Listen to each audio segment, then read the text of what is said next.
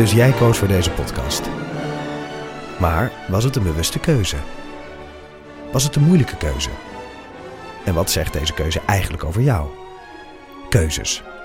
Daar hebben we het over tijdens de Row Now Inner Choices. Een kort en krachtig concert met Maler en Frank. Een avond waarop experts je meenemen in drijfveren, twijfels en de gelijkenissen tussen keuzes in muziek en het echte leven. Kom 19 april naar het Residentieorkest in Den Haag. Een kaartje heb je al vanaf 20 euro. En hij pakt mijn gezicht in zijn handen en hij zegt: Kaatje, dit is de realiteit, hè? Hey, ik ben Pieter van Relaas. In Relaas hoor je waar gebeurde verhalen en die worden live voor een publiek verteld door de mensen die ze zelf hebben meegemaakt. En blijkbaar, ze weten niet hoe dat, dat komt, maar sommige mensen ontdooien beter dan andere mensen. Luister naar Relaas. Je vindt ons terug op alle plaatsen waar je podcast kan beluisteren. De kip zal geen lawaai niet meer maken. Live vanuit de studio van Bart is dit.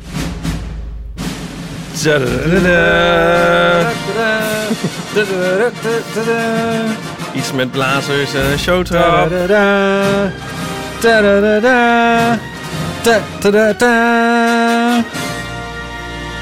Wat doe je? Inregelen. Oh, je, oh ja. Zo. Oh, ik voel me zo beroerd.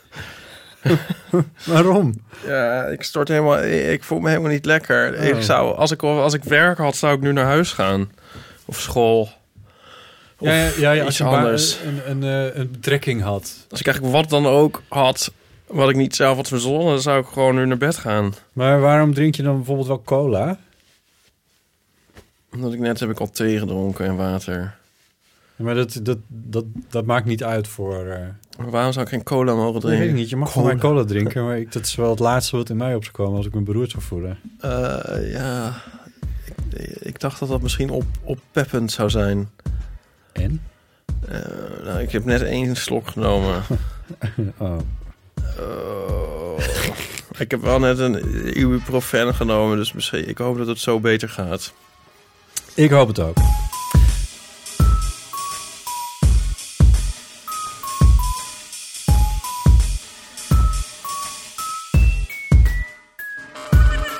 Welkom bij Deel van de Amateur nummer 74. Deze keer met Ipe Driessen Ah, hardo. en ondergetekende. Mijn naam is Botte Jellema. Ehm zullen we gewoon eh, without further ado... Oh, nou, dit is wel heel erg uh, without further ado.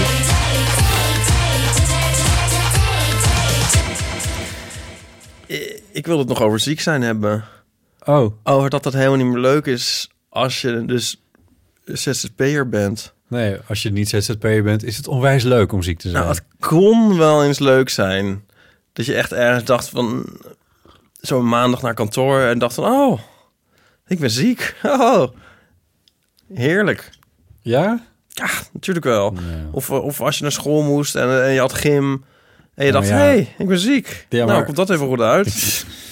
dat ken je toch wel? Nee, nee, oh, nee. Ik Heb je nooit een enorme hekel gehad aan ziek zijn? Niet zozeer aan dingen missen. Dat, eh, dat, dat, dat, ja, niet naar school moeten dan. Nee, vond ik eigenlijk alleen maar stom.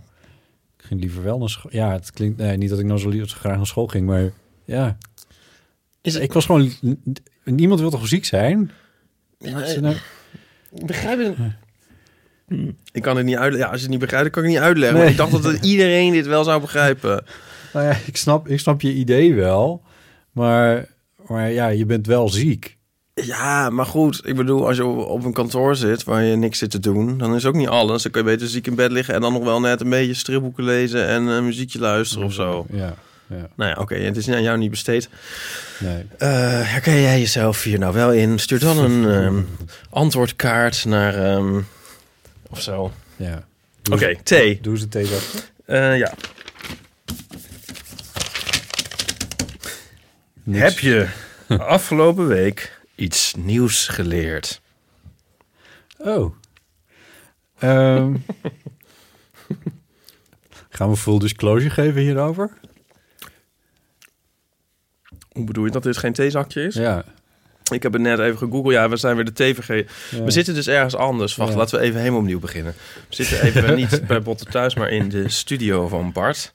Ja, Ergens op een geheime locatie in de Jordaan. in Amsterdam. John van de Heuvel mag hier niet komen. Nee, te gevaarlijk. Ehm, en we hebben dus niet de doos met theezakjes. Nee, dus je hebt hem gegoogeld. want Maar wat google je meisjes dan? van productie zijn het vergeten. Dus ik had even de theezakjes vraag gegoogeld. Alleen het probleem is... Ja, probleem. Ehm, de hele wereld heeft ontdekt... dat je een leuke grap kan maken met die theezakjes... door dan een vraag te doen, Het lettertype over te, te nemen. pakken... en dan van... "Oh, eh, wat zou jij tussen je tietjes stoppen als alles erin kon? Oh, ja. En zo. En als je moet voor de grappen googlen op theezakjes en vraag... En dan krijg je, krijg je alleen maar nepvragen van... eh, nou ja, wat ik net zei. Ja, ja, en dan nog duizend miljoen. En van... Oh, ja. Ehm, dus het was even zoeken voor ik een echte had. Maar ehm, ik kwam op een blog van iemand. En die ehm beantwoordt... Die houdt er een blog bij aan de hand van het beantwoorden van theezakjesvragen. Maar nou hoef je daar niet weer naar op zoek te gaan. Want het is verder ook helemaal niet leuk. Maar daardoor kon ik wel een paar echte vinden. Deze rubriek daarentegen. Die is wel heel leuk. Oh. En dit, dit is wel een echte. De vraag, heb je afgelopen week iets nieuws geleerd? Ja, is wel moeilijk, hè? ja, ik vind hem ook moeilijk. Ja, want er was wel iets, maar ik ben het vergeten. Er was iets waardoor ik dit ook dacht van, oh, Maar heb je Zo- het dan geleerd? zo leer je er dan dus elke keer weer iets bij. Ja, dat is dan dus, dat is dus een heel goede vraag. Ja. Nou ja, ik ben het boek van Pauline aan het lezen. Ja. Waarin eh, ook stukken staan die ik al kende. Want het is voor een deel zijn het eh, columns uit, eh, uit NRC. Voor een ander deel zijn het ook nieuwe, nieuwe dingen. Eh, daarom dacht ik het, denk ik. Omdat ik dan er weer een alinea of een stuk had... wat, wat een soort aha-erlevenis was. En dan Ja. ineens weer iets van... oh, maar dit heb ik echt nog nooit... Dit, dit heb ik nog nooit gelezen, dus dit is nieuw. En eh, hier heb ik Pauline ook nog nooit over gehoord. ja. Dus dat, d- toen dacht ik van, oh ja, dus, dus, dus hier leer ik weer iets nieuws. Ja, Wat dan? maar ik weet niet eens meer wat het was. Sorry, Paulien. Gewoon een dingetje over taal. Ja, Ja, gewoon een, op zo'n observatie. maar wordt dat hier bedoeld met de vraag? Ook bedoel je gewoon grotere levensdingen? Ja, dat ding, ja, dat, daar neig ik naar. Want ja, als je iets in een boek leest, ja, je leest, eh, ik bedoel, ja. Nou, ga ik dit nou zeggen? Ja, waarom ook niet? Ja. Ik heb, eh, ik eh, bemoei me wel eens met de wereld via Twitter. En ehm, daar, toen had ik iets gezegd over, eh, over Zwarte Piet, zonder daar hier nog verder op in te gaan. En toen... ehm, Het origineel onderwerp. Eh, ja, en eh nou, er gebeurde iets heel stoms. Tenminste, dat vond ik en dat schreef ik op. En toen kwam daar uiteraard iemand die reageerde daarop van ja, en had je het wel eens van deze manier bekeken? En die- die gooide er allemaal dingen tegenaan die er niet direct mee te maken hadden. En, en dat, dat irriteerde me al een beetje. Dat ik dacht van ja, ik vind best dat je, je mag best een argument inbrengen tegen wat ik schrijf. Dan kan ik daar wel op reageren. Maar nu werd er gewoon van alles tegen aangegooid. Kijk wat er blijft hangen, weet je wel. Echt in een stuk of vijf, zes eh, tweets. Dit is even En over zo'n botte uitdrukking. Dat zeg jij altijd. Dat er iets blijft hangen. Dat ja, is blijft ergens iets zeggen aangooien en dan kijken wat er blijft hangen. dat Ja, oh, oké. Ja, maar volgens mij is het ook wel echt iets. Anyway. Ja, ja, ja, nee, maar goed. Ja, ja zie wat stiks. Ja, ik, ik denk dat zo'n soort anglicistische Ja, dat is zegswijze die ja. jij je eigen hebt Ja, gemaakt. nou, dan mag, dan mag eh, Mark van Oosterdorp ja, die kan wel lekker turven. Ehm, ja, en, ehm, en maar ik ging, daar, ik ging daarop in. En ik, en ik, maar, maar ze bleef maar, maar weer nieuwe dingen tegen me aangooien. En eh, eh, mij allemaal verwijten maken dat ik zo ontzettend arrogant was. En wie ik wel niet dacht dat ik was, dan op mijn Twitter erbij te zetten. eh, dat ik de beste journalistieke podcast van Nederland maak. Dat staat in mijn Nou. Twitter bio. Ja, we zijn gewoon bekroond tot de beste. Daar kun je van alles voor vinden. Maar ja, dat heeft een jury heeft dat bepaald. Dus dat zijn we dan. Dus toen moest ik dat gaan uitleggen van... Goh, ja, nou, dat, dat zeg ik niet over mezelf. Dat zeggen anderen over de podcast die ik maak. En die- nou, ik was, ik was arrogant en ik wist het allemaal niet. Toen dacht ik van, ik ben, ik ben er dus toch weer ingestonken. Want ik ben een Om troll aan het voeden. Ja, een Ja. troll aan het voeden. Ja, dat is heerlijk. en, eh, en, dat, en toen dacht ik, wanneer leer je het nou eens? Want het maakte niet uit wat ik tegen die persoon zei. Het ging haar ook helemaal niet om Ja. wat ik zei. Het is grappig, dit sluit wel een beetje aan op ehm, wat ik vanochtend had. Ik heb dit dus wel geleerd al langer geleden. Ja, Dat je de trollen niet moet voeden. ja, Want ze krijgen al genoeg van zichzelf. En Ja. anders worden ze te dik. ja. Nee, op mijn site... Ik heb dus mijn site een beetje op een laag pitje. Omdat ik eh, zo hard bezig ben met mijn graphic novel. niet dat ik er een Komt, ook uitvoer. komt ook ooit nog een eh, alarm voor. Maar eh, toen zei iemand onder de naam Jantje van Leijen... nou, wat was nou ook weer precies? Nou zal ik ook even, even erbij pakken... dat we het ook precies kunnen citeren. Op jouw website was dat. Ja, als comments. Oh ja, ja de want je hebt een heel nieuw... eh, dat heeft Nico toch voor jou gebouwd? Een heel nieuw systeem eromheen met re- reageer en avatars en... eh, oh ja, maar dat is alweer even hoor. oh. Of was dat, eh, was dat Jules die dat gemaakt heeft? Mm, Nico. Nico. Ehm, maar dat is alweer even. Jantje van Leijen. Eén oud stripje per week. Wat een treurigheid. Ja. Ehm, ja, nu, nu klinkt het weer... In de cold light of day klinkt het weer eigenlijk weer van... Dat je denkt schouder op aan. Maar ik, ik werd helemaal... Ik ontstak in een soort woede en treurnis. ja. Eh, Toen had ik dus ook... Want ik kan zo met een, met een blauw vinkje op mijn eigen site reageren. En dan met mijn foto. En dan ben ik natuurlijk de opperbaas. Ja, Ik dacht, zal ik nou eens reageren? Want dat doe ik bijna eigenlijk vrijwel nooit. nee. En eh, niet heel kwaads. En ik had het al getypt en zo. Ja, En toen dacht ik, oh nee, nee, niet de trollen voeden. Niet de trollen voeden. Maar Ja. ik wilde toch heel graag medelijden. ja, Dus toen had ik het op Twitter gezet van, oeh, kijk nou. Ja. En eh, nou, de hele dag krijg ik, word ik nu gevoed. wordt de, wordt de Ipe troll gevoed. Door mensen die zeggen van, oh nee, Ipe, wat gemeen, Wat wat, gemeen. stom. Ja. Oh, we houden van je, Ja. je bent leuk. Ja, en ik kreeg, Ja. een, ik kreeg een gifje van Jonica. Een heel leuk gifje van de Pet Shop Boys. Ja, moet hij? Moet hij? Moet Ja, of, nee, ik eh, weet het niet. Ja, ja, ja, ja jawel. Als op de naam valt. Eh, ja. De Pet Shop Boys. ja, Ehm, nou, helemaal een leuk gifje van, van de pet van New Tenant die een facepalm doet en zo. En, en ze zei van, oh, straks veel die zijn geld nog terug. ik bedoel niet New Tenant, maar Jantje van Leijen. Nou ja, dat is het een beetje. Want ik snap heel goed wat, je, wat jouw gevoel dan is nadat iemand je op, op zoiets aanvalt. Want ja, Twaalf jaar wordt- lang maak je elke dag, nou ja, voor niks. vier dagen per week, Ze vijf dagen per week, voor niks. Ze betalen er niks voor. Nee. Dat is met de Ja. eeuw van amateur ook zo. Als daar mensen eh eh boos op reageren, wat nauwelijks, op, nauwelijks gebeurt, dan denk Omdat ik het toch zo stiekem... leuk is. Dan, omdat het zo leuk is. Maar dan denk ik stiekem ook altijd wel even van ja, hier moet ik, niet- wat moet ik hier nou mee? Want je bent het voor, ik, ik geef het voor niks aan je. Het enige wat we kopen een klein beetje tijd van je door je te vragen om te luisteren naar onze advertenties die, eh, die erbij zitten. Dat is het enige wat we, wat we terug verlangen. En dan krijgen wij een paar centjes en dan, en dan, ik bedoel, ja, doe het dan lekker zelf. Dus met die fotostrips precies hetzelfde. Ja. Nou ja, ik vind inhoudelijke kritiek is nog één ding of zo. Als iemand zegt van, nou, ja, ja, dit ja. is flauw. Dat is wat anders. Maar als het mee aankomt van dat het er niet is, ja. Ja, eh, kijk, als de zon niet opgaat, dan kun je denken van... hé, hey, ja. waar is de zon? Ja, maar ja, zoals daar je niet Dit- voor dit betaald. is dus je misschien niet zo'n hele Nee, goede is.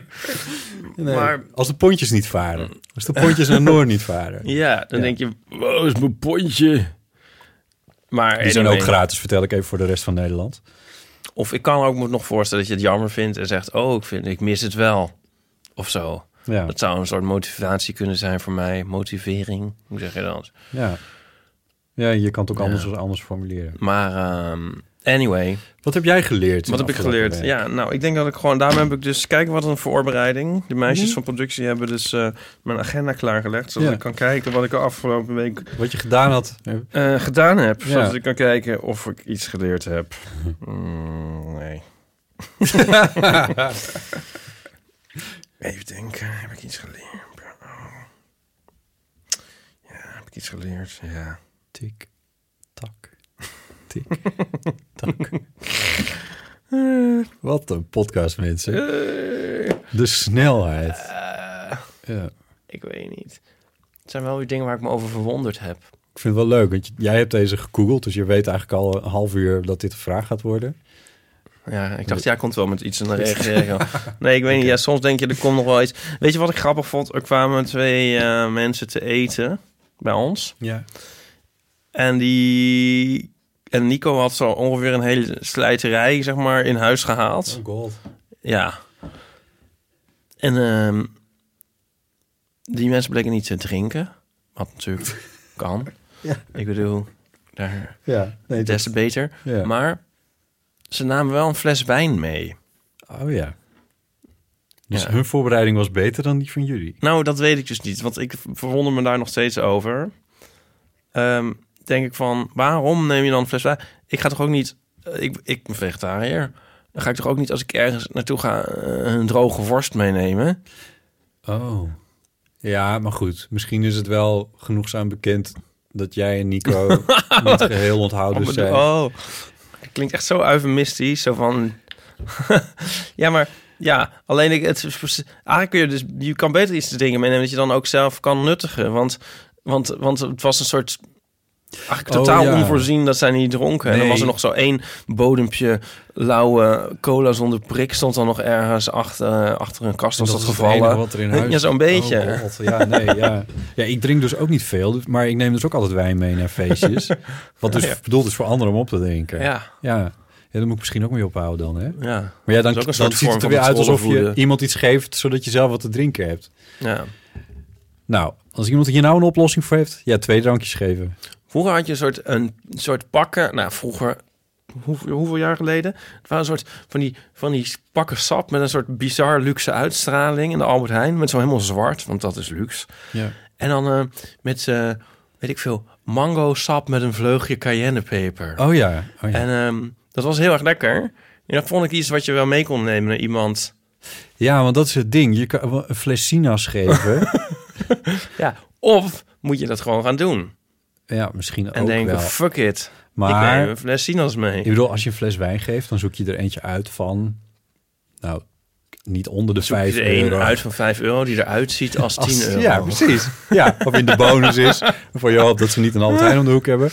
Ja, dat.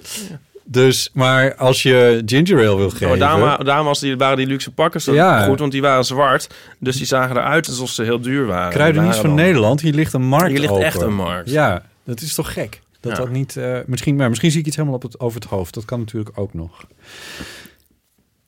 Zullen we naar... eh, eh, was dit iets nieuws wat je hebt geleerd? Nee. Nee. Nou, ja, ik denk nee, er komt wel weer iets uit. Dat is dan in ieder geval, eh, in ieder geval iets.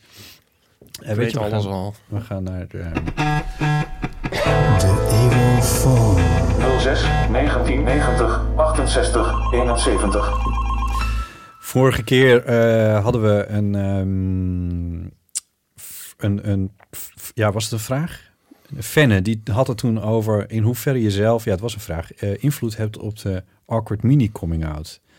Eh, of je dat zelf ook lading geeft. Ja, ja. Nou, without further ado, daar, heeft, daar reageerde Bram op. Hey Ipe en Botte met Bram. Ik wilde even reageren op jullie eeuwenfoonbeller. Die eigenlijk eh, ons homo's de schuld gaf van eh, eh, dat, het, dat een mini-coming-out soms awkward is. Wat natuurlijk niet zo is. En als voorbeeld wilde ik daar, daarom even een super awkward mi- mini-coming-out vertellen die mij recent overkwam.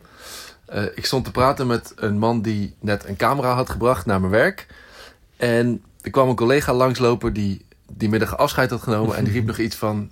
Oh Bram, er staat nog een cadeautje voor je op je bureau. Waarop die man naar mij keek en zei... Oeh, vindt je vriendin dat wel goed? dus nou, jullie weten wat dan de opties zijn. Je kan het eh, weglachen en er snel overheen praten. Of je kan zeggen, ik heb geen vriendin. Wat ook echt zo is, maar wat niet goed voelt voor als je in een relatie zit op dat moment. En je kan natuurlijk gewoon helemaal uit de kast komen. Eh, ik was eigenlijk van plan om het weg te lachen. Eh, maar naast mij stond mijn snuffelstagiair van die week. Dat is een middelbare scholier die een weekje met mij meeliep op de redactie. En die keek mij aan zo van... Haha, hij, hij weet niet dat je gay bent. Wat ga je nu zeggen? En toen dacht ik, ja kut, nu moet ik toch wel het goede voorbeeld geven. Dus ik, ik, ik zei heel luchtig en heel erg tussen neus en lippen door van... eh, nou, ik heb een vriend, maar die is niet zo jaloers hoor. Ik dacht, dat heb ik lekker opgelost. Maar die man die schoot helemaal in een soort stuip. Die heeft echt een minuut lang staan bijkomen, bijkomen van zijn eigen vergissing. En van het feit dat ik dan homo zou zijn. Dat had hij toch ook niet gedacht. En eh, nou, het werd, het werd door hem super ongemakkelijk. Door zijn reactie.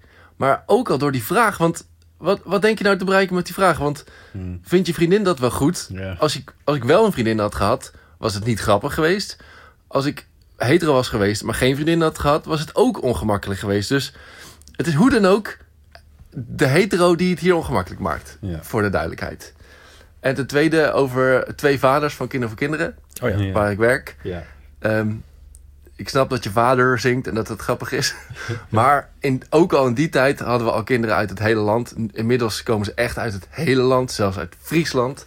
Maar ehm, wat heel grappig is, als je naar twee vaders luistert... ik heb zelf wel een beetje een R... ehm, hoor je dat ze de tip gebruiken die wij nu nog steeds wel eens aan Gooise kinderen geven. Namelijk om de R gewoon helemaal niet te zeggen. Eh, we hebben bijvoorbeeld nu, nu een hit eh, Niets is cooler dan kerstmis. En als je dan gewoon kerstmis zegt, dan heb je daar niet zoveel last van. Bij twee vaders hoor je dus dat Terrence, die jongen, de hele tijd zingt... Ik heb twee vaders, twee echte vaders. En het koor hoor je daarna ook zingen... Hij heeft twee vaders, twee echte vaders. Dus dat is dan wel weer grappig. Ja. Doei. Doei. Dankjewel, Bram. Soms stoer en ook wel streng, maar we hebben het heel fijn. Het was Bam de Wijs. maar, eh, Bedoeltje. Van kindeun voor kindeun. ehm, ik vind ook dat je... We kunnen, ook, eh, kunnen we meer jingles en geluidseffecten... Ik vind dat ook als we gecorrigeerd worden, wo- worden... Door iemand van de VA. dat er dan een zweepslag of zo onder moet. Ja. Maar kan dat niet? Eh, ja, nou laten we dat maar niet doen. Dus ik me helemaal nog geluk. wel een lot to take in. Is dit, ik moet ook weer denken aan een bericht van vorige keer dat wij eh, veroordelend en uh, wat waren we nou ook alweer? Als wij gezonde gasten. Oh ja, zonder gasten. Dan zijn we altijd heel, uh, heel hooghartig en, en hooghartig. veroordelend. Ja. ja. Zullen we nu gewoon af en toe even sorry zeggen? Dat is misschien wel, wel ik, Dit klonk misschien ook weer zo, terwijl ik dit is echt een heel fijne bijdrage vind. Zweepslag. ja, oh, nee, ja. Maar, nou goed, nee, maar Bram corrigeert het. Maar ja. anyway, hij heeft natuurlijk gelijk, ja. Ja, um, ja en maar... ik vind eigenlijk ook dat hij wel... Want dat is een, dat is een curieus punt. En hij legt wel even een vinger op een zere plek. Ik denk niet dat het in alle gevallen zo is. Maar hij zegt van... Um, dat het van... Ja, Fenne die beweert dan dat het de, de schuld van de homo's is. Ja, dat is wel een beetje dat, gechargeerd gezegd. Natuurlijk. Maar in, in dit specifiek voorbeeld wat hij nou net geeft... wat echt inderdaad een super awkward coming out is... niet eens meer mini... Uh, was het wel, ja, we gaan er even vanuit dat die man dan hetero was, maar was het niet, lag het in ieder geval niet aan uh, Bram. En kon hij het uh, ook niet van tevoren ontladen, want dat is waar Fenne het uh, over had. Ja, maar dus, je, als, als tip kun je natuurlijk wel een soort, wat zij zei, nog aanhouden van... je hoeft het zelf in ieder geval weer niet ook weer moeilijker te maken dan het is. Nee. Maar het, dat het hele mechanisme bestaat, komt natuurlijk wel door een soort vooroordeel over vanuit hetero's. Ja, ja, ja. Zij had toen dat voorbeeld van dat jongetje, ik meende in een ja. zwembad, dat uh, die iets kwijt was geraakt. Waarna uh, zij had gezegd van, oh, maar dan moet je even je vader en je moeder vragen. En Rob het jongetje zei, oh, maar dat kan niet, want die heb ik niet. Ik heb twee moeders. Ja. Of vaders, dat weet ik niet. Ja. Of moeders, volgens mij. Ja. Uh, waarmee het jongetje uh, in wel het hele ding ontladen. Dus ja. ja, in sommige gevallen kan het goed gaan. Maar ik weet ook niet wat er gebeurt. Ik heb trouwens altijd zo... Ik durf dat nooit te vragen. ik durf nooit het begrip ouders te invokeren... omdat ik altijd bang ben dat er misschien iemand dood is. Oh, ja. kan ja, bij iemand van zeven is het risico misschien wat kleiner. Ja, maar dan is het wel... Als het dan wel zo is, dan is de payoff nog groter. Nee, maar bij, ou bij oudere mensen inderdaad. Ja. Woon je nog thuis of zo, weet ik veel, dat soort oh, dingen. ja. Ik vind, ouders durf ik eigenlijk nooit over te beginnen, bij wie dan ook. Ja, nee, ja, maar dat is ook moeilijk inderdaad, want je kan ook niet... Ook, ik heb het ook wel eens gedaan, dat ik dan... Leven je ouders nog? Dat is dan ook zo'n ineens zo'n heel existentiële crisisvraag. Ja, dat is ook een soort vraag van, van... Dat is ook een soort van, je ziet eruit als 50. Dus ik ga ervan uit dat er misschien al één is omgevallen. Ja, ja zoiets. Ja. Nee, ja, ik geloof dat ik het iemand van in de 30 vroeg... Uit, uit een soort veiligheid, zo van... Ik wil niks maar aannemen. Maar er is inderdaad ook geen oplossing voor, eigenlijk. Nee. Dit doen we eraan denken dat wij het afgelopen weekend... Wij, zijn Nico en ik, hebben we fotostrips gemaakt... met bezoekers van beeld en geluid. Ja. Oh, ik dacht dat jij je graphic novel aan het werken was. En ehm, daar kwamen dan gezinnen Ja. en zo in allemaal samenstellingen. En dan het is ook één voortdurend gissen naar Hoe de- onderlinge hoe relaties.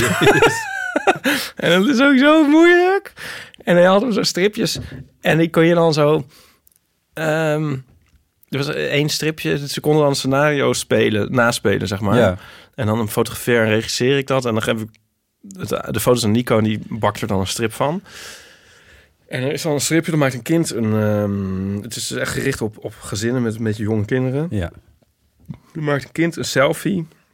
En dan vraagt een ouder van, oh, mag ik er ook op? En dan zegt het kind, wat, jij? Geschrokken. Dit is het verhaaltje. Ja, en dan zegt de ouder van... Ja, schaam je soms voor je eigen moeder of vader. Ja. Maar het kan ook tante zijn, of broer of zus, vriendin. Dat maakt voor het niet uit. Dat maakt voor het verhaal niet uit. En, zo, het gaat dan nog verder, maar goed. Maar Nico past dan dat tekstje aan.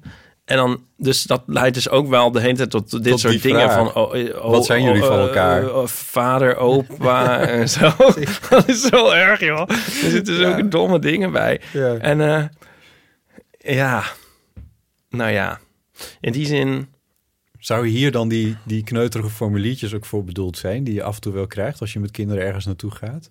Waar je dan op moet schrijven wat, je, wat een naam is, waar je vandaan komt, wat je leeftijd is... en wat je van die en die bent of zo. Ja, nee, is dat... Ja. Of zit ik nou zelf een oplossing te bedenken? Ja, je moet je, dit, je moet je gewoon een beetje doorheen. Eh, Maar en de- wat ik ook heel grappig vind, is dat er al met, met heel kleine dingen zie je dan een soort. Ah, je- ja, zou ik dit zeggen? Een soort wereld van leed. Want dan eh, eh, is het zo ja, eh, we maken dan ook printjes.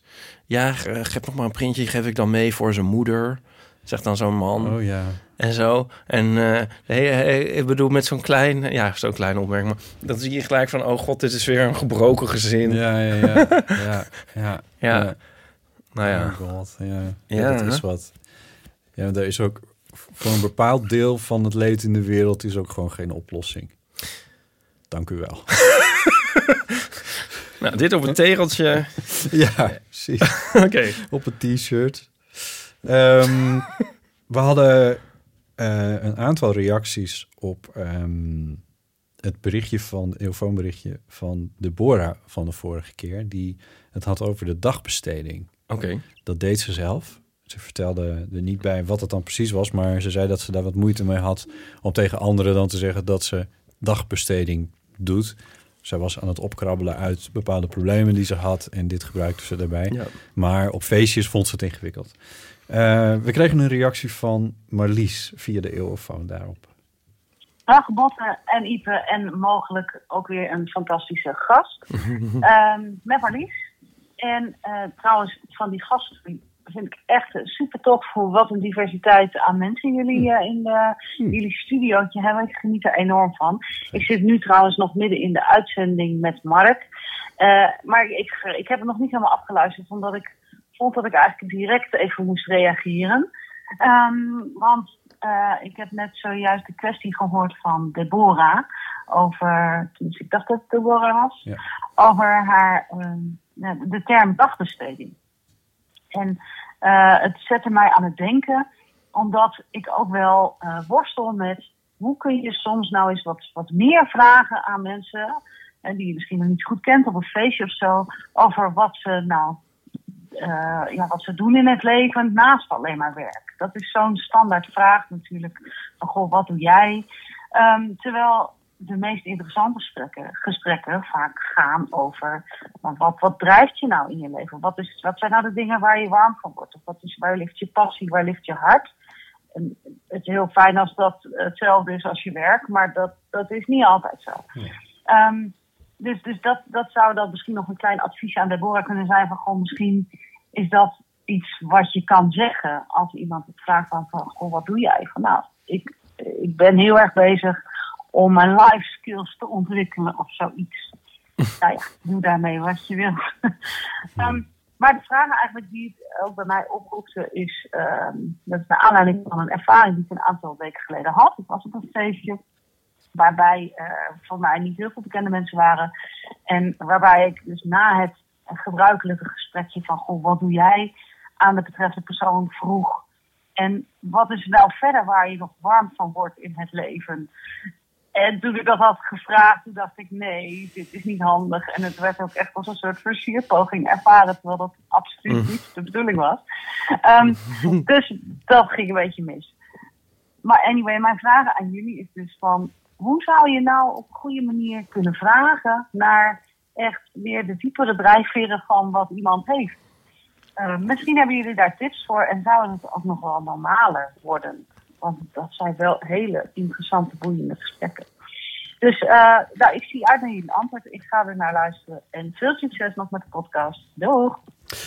Dankjewel, Marlies. Ehm, de vraag is dus: eh, hoe, kom, hoe kom je bij kennismakingsgesprekken achter de diepere drijfveren van eh, zo iemand? Omdat je misschien niet altijd wil hebben over wat doe jij en omdat we vragen wat drijft je. Ik, wil eigenlijk eh, hier twee aannames, wil ik hier eigenlijk even aanvallen. Ja, dat is wel heel hooghartig van je, maar ga verder. Ten eerste dat we mensen drijfveren hebben. en, en ten tweede wil ik eigenlijk verwijzen naar die tegel die jij net hebt gelanceerd. Maar ik weet nu al niet meer hoe het precies... Maar er zijn natuurlijk, sommige dingen zijn natuurlijk ook niet op te lossen. En ehm, ongemakkelijkheid in gesprekken, uitstaan in eerste gesprekken, ja, Ja. die kunnen we ook moeilijk wegnemen voor Ja. de mensheid. Ja. Nou maak je je er wel heel makkelijk van. Dat is waar. Nee, ja, het is, ik, ben het, ik ben het wel een beetje met je eens. Ik denk wel van, jij, eh, ik snap het probleem heel goed wat Marlies heeft. Eh, maar er- is maar één weg naar diepere drijfveren. En dat is toch via oppervlakkige vla- vragen.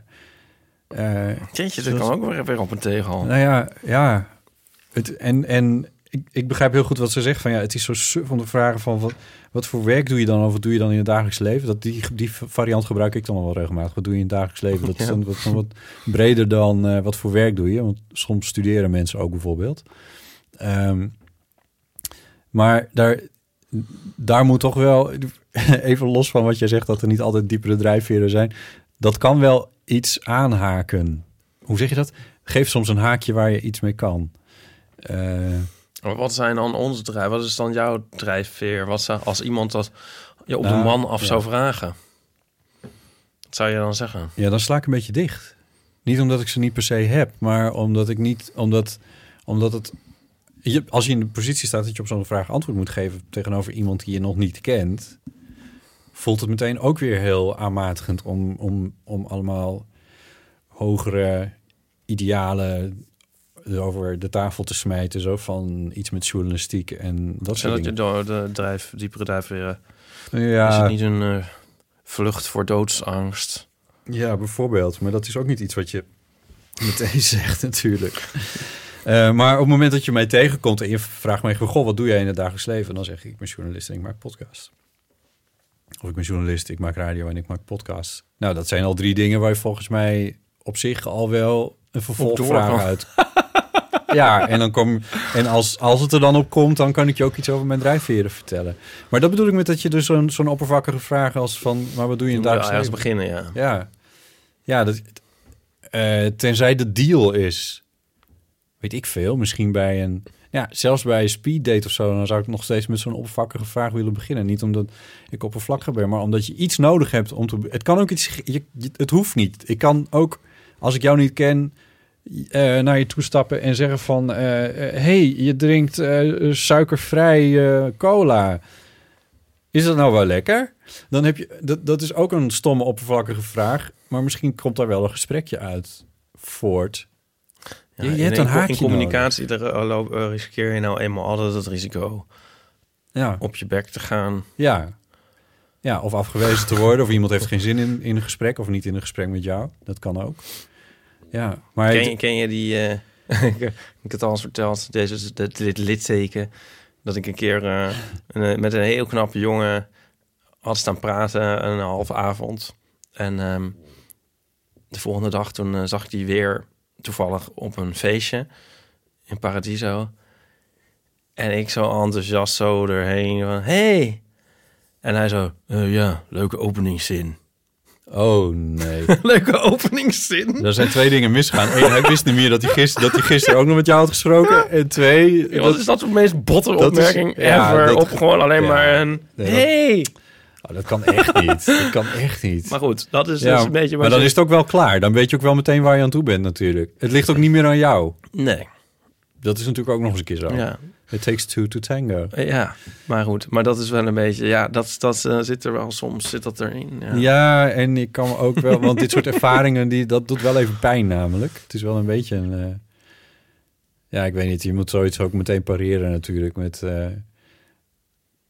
iets. Ik heb me nog wel nader verklaard, maar daar heb ik het wel bij gelaten. Ja, maar ja, daarom zijn natuurlijk ook al die apps er en zo... om eh, Ja. dit niet in, het- in real life te hoeven facen. Nee. Om het maar mooi te zeggen. Nee, dat is natuurlijk waar. Want dan heb je eigenlijk een soort eerste kennismaking al een beetje gehad. Meestal weet je, weet ik veel, als je een Tinder date hebt, dan heb je toch al wel even met elkaar gesproken. Weet je wel een klein beetje al Ja. wat details uit een leven of een foto die je gezien hebt waar je een verhaal aan kan ophangen. Of herken je dit, dat je dan zo iemand ziet... en dan denk je van... oh, even op, even op Grindr kijken of hij daar op te zien is. Mhm. en dan zo, eventueel kun je dan daar op gedag zeggen... en al- Hey, bij een ik heb herkenning daar kun je zeggen... oh, hé, hey, dan ben jij. Ik zag je wat net, grappig. eh, ja, ja. dat, ja. Ja, dan heb je ook Ja. een beginnetje. Ja, ja, maar dat is toch super triest. Je kan toch ook denken van... van Oké, ik ga gewoon nu gedag zeggen. Ja. Ja. Ja, maar daar heb ik ook niet altijd de ballen voor om dat eh, voor elkaar te krijgen. Zie je maar. Ja. Nou, als mensen een goede suggestie hebben voor, ehm, hoe noemen we dit? Openingszinnen? ja. ook op feestjes, hè? Het hoeft niet, hoeft niet altijd over versieren te gaan. Gewoon ook op feestjes waar je staat. Tweede zin. Een feestje van een collega waar je... Waar je Ik heb nooit zo- zo'n soort feestjes. Nee, maar ja, je, je hebt ook niet, niet werk waar je je ziek kan melden. Dus, eh, maar er zijn ook mensen Ja. die wel collega's hebben... die dan ineens op een borrel staan... en, en ineens iemand van de afdeling... ehm, Ja. what have you. Ik, zeg, eh, ik zie dan- gelijk dan Michel Wellebeck boek voor me. Dat hij dan zo'n feestje met zo'n vol haat voor de wereld en zichzelf ja, en zo. En dan- dan, zo op zo'n feest Ja. staat en dan denkt van hierna ga ik naar de hoeren en zo. Ik heb nooit zo'n feestje. Nee, ja. Nou, zulke feestjes zijn er dus wel. ja, En als iemand nodig daar mij goed- daar een keer voor uit. Oké. Luisteraars, heb je zo'n Luisteraars. feestje? Ja, voor een niet al te hooghartig eh, podcastmaker. en, en, eh, maar als, er, als mensen daar ideeën of een verhaal bij hebben... dan zijn ze natuurlijk van harte welkom om dat even in te spreken op de Eeuwfoon. 06 1990 68. 71. Er is iets misgegaan. Ik heb een verkeerd knopje gedrukt. Oh. Niet nu, maar vanochtend toen Oh. ik eh, de Eeuwfoon berichtjes inlaadde. Oh, Ja, en toen? toen was hij weg. Welke? Een berichtje van een inbeller. Oh, Maar ik heb meteen opgeschreven wat ik net had gehoord. oh. Dus bij deze het excuses. parafraseren? Ja, bij deze excuses aan, de- aan de inbeller. Oh. En eh, ik heb echt zitten, zo hard zitten vloeken achter de opname dat het te horen was via het eeuwenfoontelefoontje, microfoontje weer in de opname. Dus ik moest wat ik had opgenomen ook opnieuw opnemen. Oh ja. Nou, anyway, ehm, dus Oh, mag sorry. ik dan nog iets anders zeggen? ja? Dat doen we eraan denken. We hadden dus iets van 100 strips hebben we gemaakt in het weekend. En vier strips, die, we mailen ze, geluid, ja? ja, we mailen ze dan naar mensen. Mhm. Die komen gewoon niet aan. Die mensen geven gewoon een, een e-mailadres op dat gewoon niet klopt. Oh ja. Ja. Oh ja, sorry, ik denk aan dingen kwijtraken, zeg maar. Ja, ja, ja. Ja, en dan voel ik me dus heel kut. Zo van, oh, dan heb ik helemaal die strip. En zo met, met, met, met, met Ja. gezellige kinderen en zo. En nu zullen Ja. ze hem nooit zien. Maar dan denk ik ook van, ja, maar wat ben je ook voor iemand... dat je niet eens je eigen e-mailadres weet? ja. Dat, dat geloof je toch niet? Heb je ze een kaartje meegegeven met fotostrips.nl of zoiets? Ja, sommigen. Dus ze zouden nog Ja. eventueel zich kunnen melden. Ja. Maar nou, sowieso stonden heel veel mensen zo Het is van... wel een beetje hun verantwoordelijkheid. Je hebt ook heel veel mensen dus die nog... Ja, is hier al een boek over geschreven? Die zo van... eh eh, Kees en Connie at eh, planet.nl. dat, dat, is echt onvoorstelbaar. Dat heb je echt heel veel. Ja. Of, of mensen die ook dus heel lang... Daar had ik het eigenlijk uit op kunnen maken... dat dit zou gaan gebeuren. Ja. Die heel lang staan te denken over hun e-mailadres. Wat was het dan ook weer? Nee, echt, echt waar. En dan zo Oh, ook nee. vragen zo aan hun vriend. Zo van, ja, Ja. weet je iemand wat, wat is ook wel ons e-mailadres en zo? Ja. Weet je van, oké. Ja, maar Het lijkt me ook wel lekker hoor, maar ja, ze hebben gewoon op hun werk hebben ze een computer staan waar, waar de e-mail van het werk op komt. zou dat het zijn? En thuis hebben ze nog een, eh, nog een iPadje liggen waar inderdaad ooit eens een Gmail-account mee is aangemaakt. Maar ja, dan krijgen ze wat, eh, wat, eh, wat, Ja. wat, wat de kinderen hebben besteld. Dat zien ze daar een beetje voorbij. I don't know. Ik, mensen gebruiken dat misschien gewoon helemaal niet. En Ja. dan zit het natuurlijk niet voor in je hoofd. Je hoeft zelf natuurlijk nauwelijks je e-mailadres ergens Je moet in- het toch heel vaak opgeven bij dingen? Ja, bij, ja, ja, ja. Als je dingen bestelt en zo. Als je registreert voor websites. Ja, dat soort wat shit. dan ook, ja. ja. Anyway, dat was niet mijn schuld. Nee. Dat dit bericht weg is, is wel jouw Ja, schuld. dat is mea maxima culpa. Oké, eh, er was een Ja. inbeller die de naam niet noemde... en die vertelde dat eh, ze 25 jaar bevriend was... met iemand die bij de Pinkstergemeente zit. Eh, dat is een evangelische eh, geloofsgemeenschap. Ze is zelf niet gelovig en dat was ook nooit een probleem... tot ze een keer met die persoon eh, ergens was... waar die persoon in discussie kwam met een derde... En dat liep niet goed. Wat er precies gebeurde, dat is me een beetje ontschoten. Maar toen zei de Pinksterpersoon, vriend, die zei toen... Ja, jullie denken er niet over na. Dat ging over het geloof. Eh, waarop de inbeller eh, zei van... eh, ja, jullie wel dan. En eh, dat was er uitgevloept voordat ze dat in de gaten had. En had er ook meteen een beetje spijt van. Ehm, en wat er gebeurde was dat meteen de volgende dag... die Pinkstergemeentevriend eh, haar geblokkeerd had op WhatsApp. En ehm, ook was hij uit gemeenschappelijke appgroepen gestapt. Oh. En nu vroeg ze... Een soort van- digitale equivalent van heel hard met de deur slaan. Ja, wat moet, je, wat moet je hier nou mee doen? 25 jaar vriendschap. Ja, en zij niet gelovig en hij Pinkstergemeente. En eh, het had nooit tussen hen ingestaan. Maar kennelijk hebben ze het er ook nooit echt over Nee. gehad. Nee. Want dan leefde... De, ik, ik, ik kreeg een beetje het gevoel dat ze hier... Doordat ze dat eruit vloepte van... Ja, jullie dan wel. Denken jullie er dan wel over na? eh, dat dat altijd al wel een klein beetje ergens heeft gezeten. Maar dat dat gewoon nooit expliciet is gemaakt. Ja. En nu kwam ze in de situatie waarin dat eventjes wel gebeurde. En dat was, heeft dan 25 jaar geduurd, maar dat had natuurlijk ook na drie maanden kunnen gebeuren. En toen was het over. En dan is het wel heel jammer voor die 25 jaar. Maar goed, aan de andere kant, die 25 jaar die heb je dan maar. maar dit komt natuurlijk niet goed. Mm, nou, ja, ja, weet, dat, dat weet ik niet. Hoe klonk ze? Ja, je kan proberen excuses aan te bieden. Dat kan je natuurlijk doen. Maar echt geloofwaardig zeggen... ja, wat ik zei, dat meende ik niet. Dat zit er misschien ook niet helemaal in. Als je helemaal eerlijk tegen jezelf Nou, ze hebben min of meer hetzelfde gezegd. Ja. Dus in die zin Ja, zou je d- kunnen zeggen, is er nog wel iets te lijmen. Ja, nee, dat is waar, ja. Ja, want hij maakte ook een verwijt. Ja, dat is zo. Maar betreurde ze het heel erg? Ja, ze zat ermee, want ze... In zoverre dat ze zelfs belde naar de eeuw of dit, nee, kijk, hier kun je ook geen sluitend antwoord op geven. Maar ik denk wel dat hij degene is geweest die dit heeft geëscaleerd door, uit, door Ja. WhatsApp te blokkeren. Want dat betekent namelijk dat je de communicatie stopzet. Ja. En wel heel definitief ook, tenminste. En hij zou zich ook kunnen bedenken dat zij dus in feite zegt wat hij ook zegt. Ja. Maar goed, misschien niet helemaal eerlijk, want hij denkt er misschien al wel naar zijn eigen idee natuurlijk al heel lang wel heel erg over. Ja, is zijn eigen idee wel, ja. Ja. Of ja, of in way is Nee, maar daarom zeg ik van in principe komt het niet meer goed. Eh, alleen, eh, je, ja, je, als je dat wel wil, dat het goed komt, dan... Is ja, er zo'n EO-programma? Dan is er zo'n EO-programma. Toch? Je kan, ja, iets... Ik weet het niet. Maar eh, je kan proberen om excuses aan te bieden, maar dan moet je die wel voelen. Anders heeft het geen zin. Als je denkt van, oh, ik heb het eruit geflapt, maar dit meende ik wel echt en ik heb echt geen zin om mijn mening hierover aan te passen. Maar je kan ook zeggen, denk, het wel menen, maar de- wel denken van, maar het was niet bedoeld om je te kwetsen. En eh, ik vond het wel leuk, onze vriendschap. Ja. Leuk. Ehm, dus kunnen we daar nog eh, iets van maken? Ja. Want al dan- 25 jaar hadden ze blijkbaar een soort agreed to disagree. Ja, precies. Kunnen, dus kunnen ze dat weer eventjes voortzetten. Maar dan hopelijk wel dat de ander, de Pinkstergemeente man, dat hij ook een beetje met wat introspectie komt. Van, oh ja, ik vloepte er ook iets uit wat misschien niet zo heel vriendelijk niet was. echt om een keer. Oh, sorry. Ja, dit is heel onvriendelijk wat je, en hooghartig wat je nu zegt. Eh, Zouden wij veel gelovige luisteraars hebben? eh, eh, weet ik niet. Dat vertelt de statistiekjes van eh, Art19 ons niet. Ik zit de laatste. Ik, ik vind dat met nu. Ik ga het toch even nu noemen. Dit is dan. is dat nu de tweede keer? Weet ik niet. Maar nu met de Zwarte Pieten discussie. Jingle. Ja, inderdaad. Ik vind nu word ik er zo mee geconfronteerd dat ik echt in een, heel erg in een bubbel zit. En dat, dat je dus ook heel, heel erg die bubbels er zijn. Ja. Ja. Ja, wat je bedoelt, denk ik, is... eh, Ik, kom dus, ik bedoel, de Pinkstergemeente is ook een soort bubbel, zou ik maar zeggen. Ja, ja, maar dat er... Want ik schrik dat toch elke keer weer van. Maar er is echt een, er wordt af één keer per jaar wordt daar zo'n beetje onderzoek naar gedaan. Hoeveel mensen vinden dat Zwarte Piet veranderd moet worden en hoeveel mensen dat eigenlijk niet vinden. Dat zijn er steeds minder mensen die dat niet vinden. Maar het is nog steeds een overgrote meerderheid. Ik ken het getal even niet uit mijn hoofd, maar het is meer dan 60% van de Nederlanders die dat vindt. En ik heb getallen van in de 80% gezien.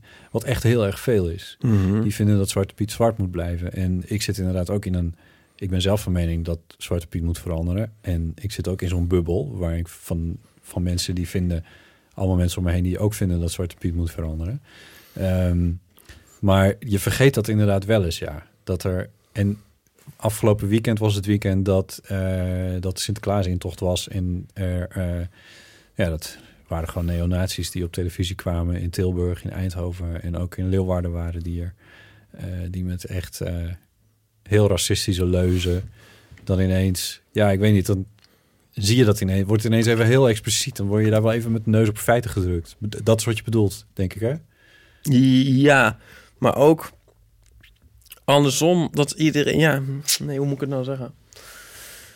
Oh, ik had er zo'n eh, Arthur Chapin gevoel van... ik wil het nieuws niet meer volgen. Ja. Ik wilde eigenlijk... Ik wil eh, er helemaal, ik wil er helemaal uit. Ja. Heb jij dat niet? Ja en nee. Het is, het is zo... Ja, ah, ik kan het gewoon niet aan. Ja, nou weet je, ja.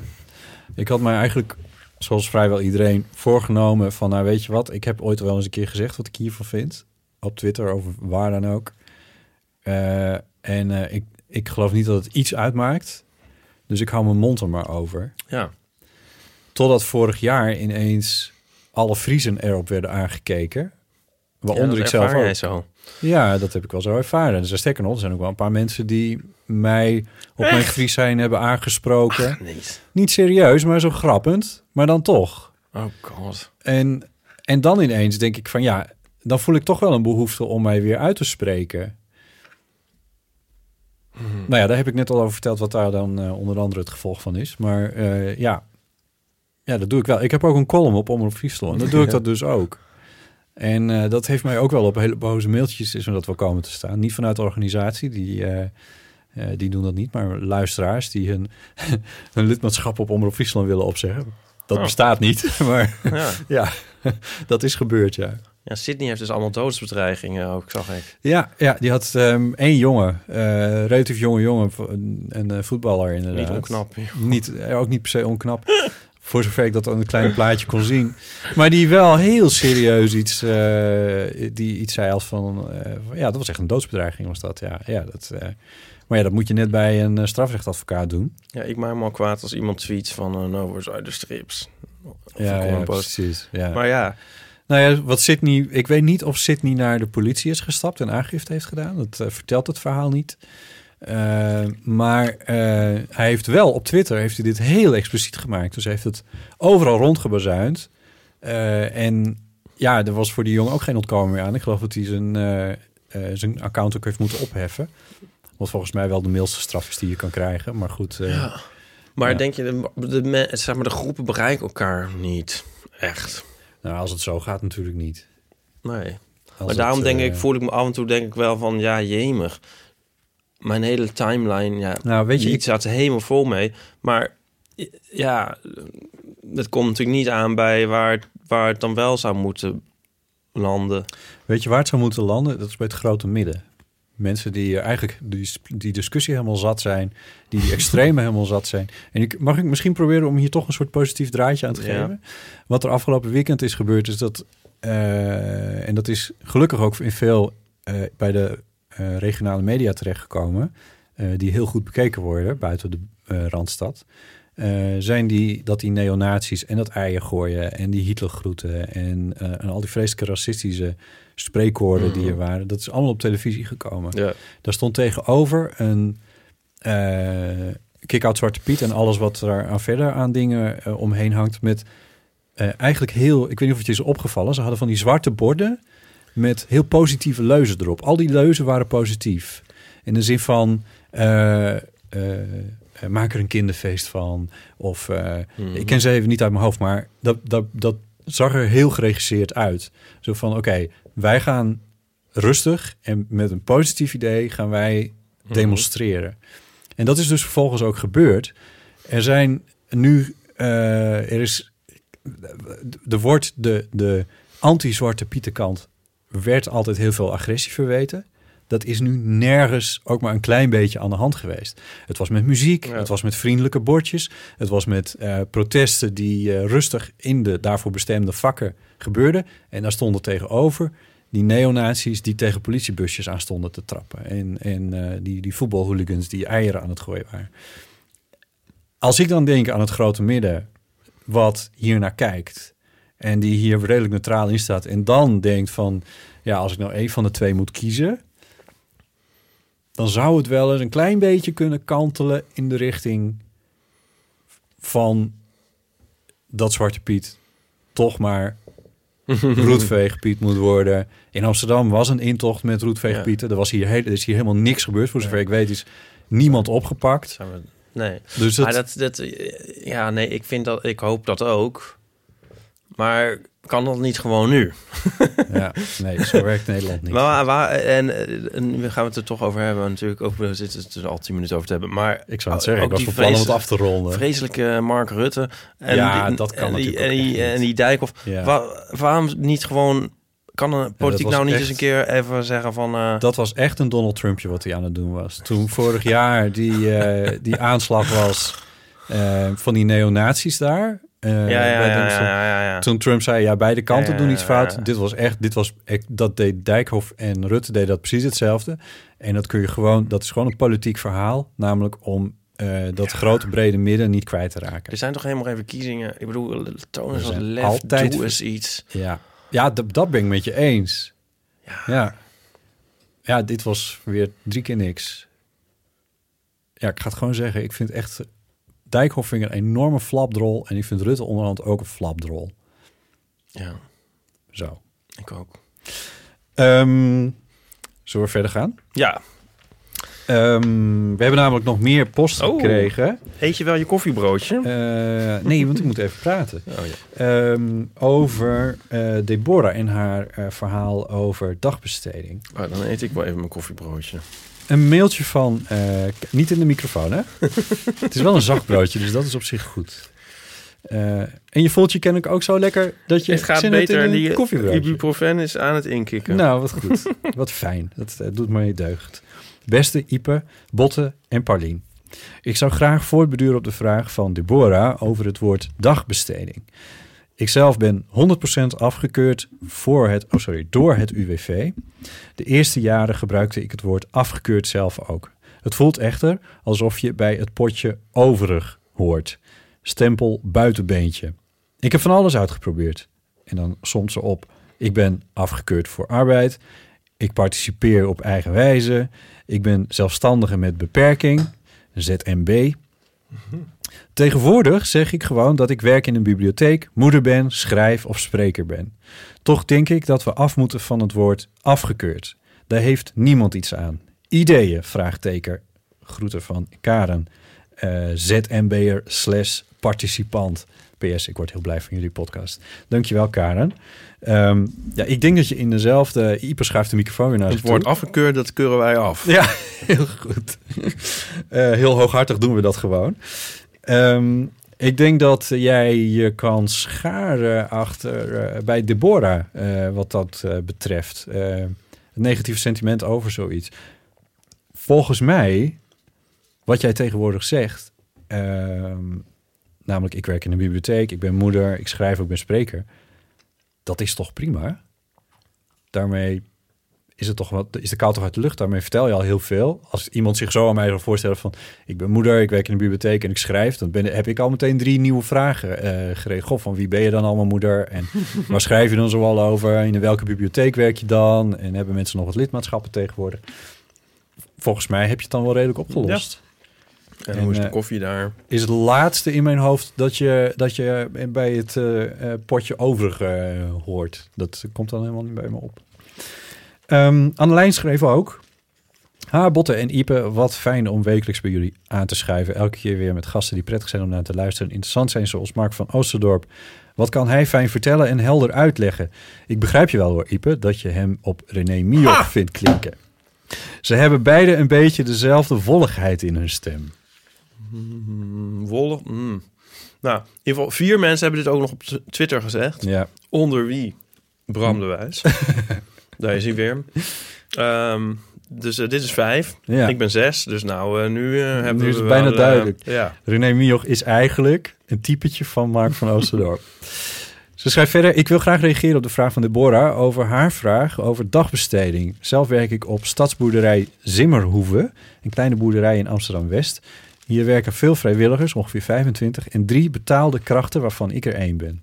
Onze vrijwilligers helpen mee bij het verzorgen van de dieren, werken in de tuin, ondersteunen bij activiteiten of doen allerhande klussen. De boerderij is zes dagen in de week open voor publiek, jaarlijks ongeveer 35.000. Zo. Bezoekers neem ik aan. En, dan, eh, en het kan niet bestaan zonder vrijwilligers, of in ieder geval niet in deze vorm. Ik hoor ook wel eens van vrijwilligers dat ze het lastig vinden dat ze vragen krijgen op feestjes over wat voor werk ze nou eigenlijk doen. Vooral dat het niet betaald is, lijkt af te doen aan het werk dat wordt verzet. Kwatsch natuurlijk. Vaak werkt het beide kanten op. Je helpt, in mijn geval, de boerderij. En je doet het werk omdat je zelf er wat aan overhoudt. Je leert nieuwe mensen kennen en doet dingen die je nog nooit eerder hebt gedaan. Of vindt het gewoon een prettige bezigheid. Ik weet natuurlijk niet hoe Deborah haar dagen invult, maar jullie suggestie om te benoemen wat je doet en wat het jou oplevert, klinkt mij heel logisch in de oren. Mensen die daar niet voor openstaan zijn misschien wat te kortzichtig, Ja. ouderwets vraagteken, en je moet gewoon en moet je gewoon mijden. Ga ze door met jullie fijne uitzendingen. Hartelijke groet vanuit Amsterdam aan de lijn. Ik wil ook dieren verzorgen op een boerderij. Ja, nou, kennelijk kunnen ze vrijwilligers gebruiken, Ipe. Hoe heet die ook weer? Eh, eens. Zimmerhoeve. In, Zimmerhoeve. eh, ja, kleine boerderij in Amsterdam-West. Dat is wel helemaal in West. Ja. Ja. Mm, ja. Stap je op een trammetje. Oh ja. Het lijkt mij eigenlijk best wel leuk. Het lijkt me eigenlijk best wel leuk. Ik zie daar zo die, zie, daar staat zo'n alpacaatje. Zie je dat? Dat is Ja, precies een ja. mini-versie van de alpaca die hier op de hoek staat. Zeg In de maar. Hazenstraat, ja. Ja, maar als ze ook alpaca's hebben, dan wordt het natuurlijk wel, ja, dan wordt het eh, de trip misschien wel waard. Maar goed, We zullen niet. het straks even moeten Geiten zijn googlen. ook leuk. Zimmerhoeve. Ja, dat, Ja. dat zijn vast geiten, want dat hoort toch wel bij, een, eh, bij zo'n boerderij. Ja, nee, ik ben opgegroeid op een boerderij, dus, en ik, ik mis diertjes wel eens een beetje. Nou heb ik Artus tegenover me, door jullie wel hernoemd tot dierengevangenis. maar ik vind dat al heel erg leuk. Mijn kinderboerderij is natuurlijk nog iets opener.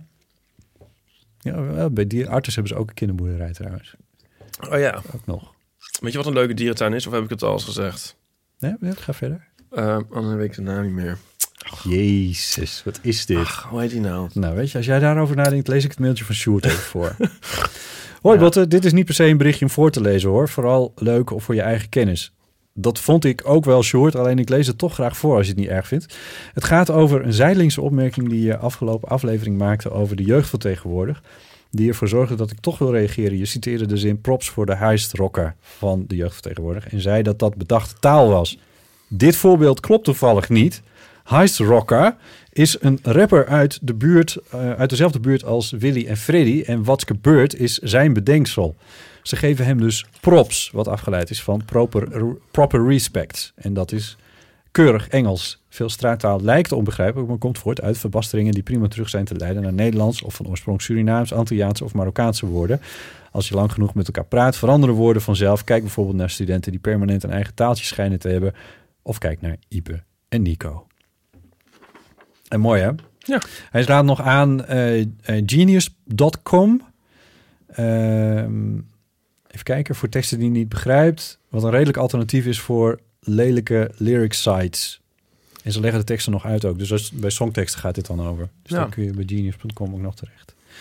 Zo kwam hij er pas la- jaren later achter dat Willy Wartaal een woordspeling is op Willy Wortel.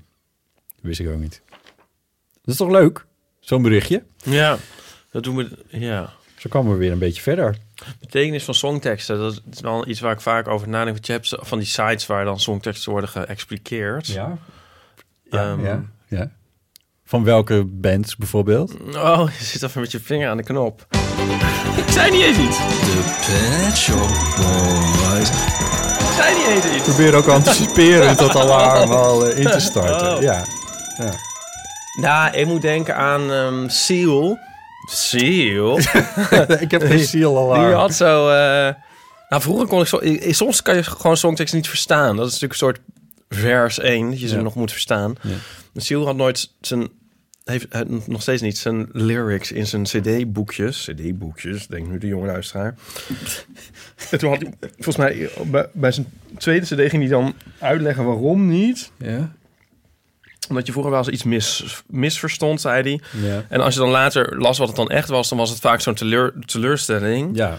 Dus dan vond hij het fijn als mensen maar gewoon alles misverstaan en dan eh, Laat het maar zo. laat het maar bij hun. En dat heb je met het verstaan, maar dat heb je ook een beetje op het vlak van betekenis, denk ik. Soms dan denk je, weet je eigenlijk niet wat iets betekent. En dan later kom je erachter wat het dan Wat is. ermee bedoeld was. En dan kan er, daar kan iets in mee verloren gaan. Ja. Ja. Ja. Of er kan iets mee gewonnen worden natuurlijk ook. Ja. je denkt van, wat is het voor gewauwel? En dan denk je van, oh. Je triggert bij mij nu heel veel eh, over kunst eigenlijk. Ik heb jarenlang voor een kunst- en cultuurprogramma gewerkt. Waarbij ik altijd van Oh ja. begin af aan ook tegen, tegen mijn collega's heb gezegd... ik weet niks van kunst. Maar dat vonden ze dan juist wel weer interessant. Eh, wat tot op zekere hoogte ook wel zo was. Maar als je een tijdje voor zo'n programma werkt... gaat het natuurlijk wel een beetje voorbij. Maar waar ik vooral last van had... was dat ik niet durfde te vertrouwen op mijn eigen... eh, mijn eigen Ja. betekenis geven Ja, aan kunst. ja, ja. Dat ik heel, dat merkte ik bij mezelf. Ik was heel erg aan het zoeken van wat vinden anderen hier nou precies van, zodat ik in ieder geval in lijn loop met wat, Ja. wat er dan gevonden moet worden. Inderdaad. Eh, dit vond ik heel ingewikkeld. En met, met, eh, onderhand ben ik een beetje zekerder van mezelf op dit gebied. Andere gebieden juist weer niet, maar, maar dit gebied dan weer wel. ik weet nu ook wel veel beter wat ik bijvoorbeeld leuk vind aan muziek en wat, wat waar wat moet doen eh, met, met mij aan muziek. Eh, nou ja, ik durf wat meer Nee, te nee, ja, vertrouwen. van- je trekt een lelijk gezicht, maar ik, ik durf wat meer te vertrouwen op mijn eigen oordeel onderhand. Ja, maar het is grappig, want... want nee, ik herken het heel goed. Eh, ja, had ik het nou gezegd in de uitzending? Dit kan ook wel een jingle worden. Dat ik niet meer weet of ik iets al gezegd heb. Over dat, die installatie in, eh, in, de, in de Hamburger Bahnhof, heet dat zo? Dat mo- moderne kunstmuseum in, In Berlijn, ja. Er was een enorme installatie met verschillende videoschermen Ja. die dan een soort op elkaar inwerkte over een soort koerier op, met een paard en een soort Oké, ja. Je lost me, maar ga verder. ja en iets met zoutmijnen en en en een soort demon en zijn gedachtenspinsels en zo en weet ik veel. Oké. En eerst denk je een beetje van waar gaat het over, maar het was een soort poëtische ervaring. We hebben daar een hele tijd gezeten. Maar ook wat teksten hingen erbij. En zo. Mhm. En het was heel... Het omspande heel veel. Ja, ik weet niet. Er kwamen ook dingen over kunstmatige intelligentie aan te pas. En eh, het was gewoon eigenlijk heel weird. En een heel... Maar dus wel een soort mysterieuze ervaring. Ik weet bijna zeker dat ik dit wel heb gezegd de vorige keer. Het komt me helemaal niet bekend Nee? voor. Nee, Oh. maar ik zit niet altijd op te letten. Nou ja, en toen gingen we zo naar buiten. En toen hing er een soort bordje, maar het was nogal een bord. Waarin het hele ding werd uitgelegd. Oh ja. Oh, dit is ook een stokpaardje van Gijsbert van der Wal. Die, eh, heeft hier echt een, die heeft hier echt ook een heel boek Oh, over geschreven. ja? ongeveer. ja, ja, ja. Want die is heel erg tegen museumbordjes ook. Nou ja, een beetje is wel leuk, maar toen was het een beetje zo van... Ja, maar eigenlijk was het een puzzel. En je had, het was eigenlijk een soort detective of zo. Het was de butler Oh, ja. met, eh met eh lode pijp in de studeerkamer. Eigenlijk werd je nog even de maat genomen of je het eigenlijk wel goed had gedaan. Ja, terwijl allemaal. niemand kan het begrijpen. Oh, nee. Uit zichzelf. Je hebt een bordje. Als je het op dat niveau wil begrijpen, dan moet je het bordje echt hebben. Een bordje. Ja. Want anders dan is het gewoon, is gewoon veel te ingewikkeld. Ja, ja, precies. Maar, dan, je, maar dan je is het kunstwerk toch ook niet goed. Maar je, nou ja, maar volgens mij was het kunstwerk best goed. Want je hoeft het helemaal niet te hebben. Want ik vond het wel een heel tof, ja. tof om te ondergaan of zo. Ja. Maar dan moet je wel op Ja, maar jezelf daar dan vertrouwen. Want dan als je, als je inderdaad denkt... Ja, van... maar als je zo, zo onzeker bent dat je denkt van ik moet het wel begrijpen, dan kan je het ook niet meer waarderen. Nee. Ik heb denk ik ook wel eens uitgesproken in de podcast dat, eh, dat, dat ik eh, de nachtwacht zo'n tof ding vind. Ehm, en ehm, heel lang heb ik ook niet helemaal begrepen wat dat, wat dat dan was. En van de bordjes heb je dan ook eigenlijk niet zoveel aan. Maar over dat werk ben ik gewoon eens een keer wat meer gaan lezen. Ehm, Ja, maar ja, dus dat kan, ja. maar dat is, dat is ergens je in verdiepen. Maar moderne kunst is natuurlijk anders in die zin. Precies, want bij de nachtwacht, eh, daar hangt zoveel aan dat het het ook wel waard is om je daar even in te verdiepen. Maar bij sommige moderne kunst denk ik van ja, dit moet ook gewoon eigenlijk meteen wel zo'n beetje spreken. En als het dat al niet doet, de nachtwacht, daar kun je, daar, daar kun je niet omheen. Als je daar langs loopt, dan kun je dat, zelfs een leek kan zien dat dat knap is gedaan. Eh, dat is wel het minste wat je erover kan zeggen. Nou ja. Maar bij moderne kunst is het soms wel eens wat lastiger. En dan denk ik, ja, moet ik nou dingen voelen? Ik voel niks. Weet je wat? Laat maar. Ja, dat durf ik inmiddels ook wat beter. Maar dat, Ja. ver- dat vraagt ook wel wat kunstzelfverzekerdheid. Is dat een woord? Nou, ben Zelfverzekerdheid. Ja. Ik vind het wel een leuk woord. Ja, en je kan ook, eh, je kan ook later of zo, hè? Als je het de volgende keer ziet of zo. Of Ja, je kan er maar dat moet toevallig niet- op stuiten. dat- maar dat het is allemaal niet zo goed. on the nose zijn. Nee. Dat en het moet en wat helemaal erg is, is als het een wedstrijdje gaat worden in, in betekenislagen. Ja. Van die eh, Harry Mulisch boeken, zal ik maar zeggen. Waarin eh, van alles gerefereerd maar- wordt. Dat je op een gegeven moment ook denkt van, van ja, moet ik nou eerst echt helemaal alle, de, de complete wereldliteratuur hebben gelezen om dit boek te snappen? Dan is dat is toch niet. Wat, wat is dan de waarde van al die referenties? Dat, dat, Ik weet niet of ik dat... eh, nou ja, nu literatuur vind ik weer een ander chapiter. ja, dat is het ook. Maar En dan gaat het ook meer om dat... Want de kunstenaar levert over het algemeen iets af. En, dan, en de bordjes worden door iemand anders gemaakt. En een boek is natuurlijk, heeft een auteur. Ja. En die legt er zelf iets in. Dus je kan hoogstens dan de bespreking... Een boekbespreking iets verwijten misschien. Denk ik. Ja, Het staat nou de ja, auteur vrij om referenties in te de- pl- pl- plempen. Ja, en of maar- jij die, als jij die niet eh, meekrijgt, dan is dat jammer. En als dat jouw waardering ja, maar dan in de weg zit, dan is het niet het boek voor jou misschien. Nee, dat klopt. Maar wat helemaal jammer is, is als, eh, want dit fenomeen bestaat ook als het een, een wedstrijdje wordt in eh, zo moeilijk mogelijke referenties begrijpen. En zoveel mogelijk referenties begrijpen. Dat is wel grappig, een referentie aan iets anders. Maar het hoeft niet altijd wat te zeggen. En als iemand het niet helemaal meekrijgt, dan sluit je al die mensen die dat niet meekrijgen, die sluit je eigenlijk uit van jouw werk.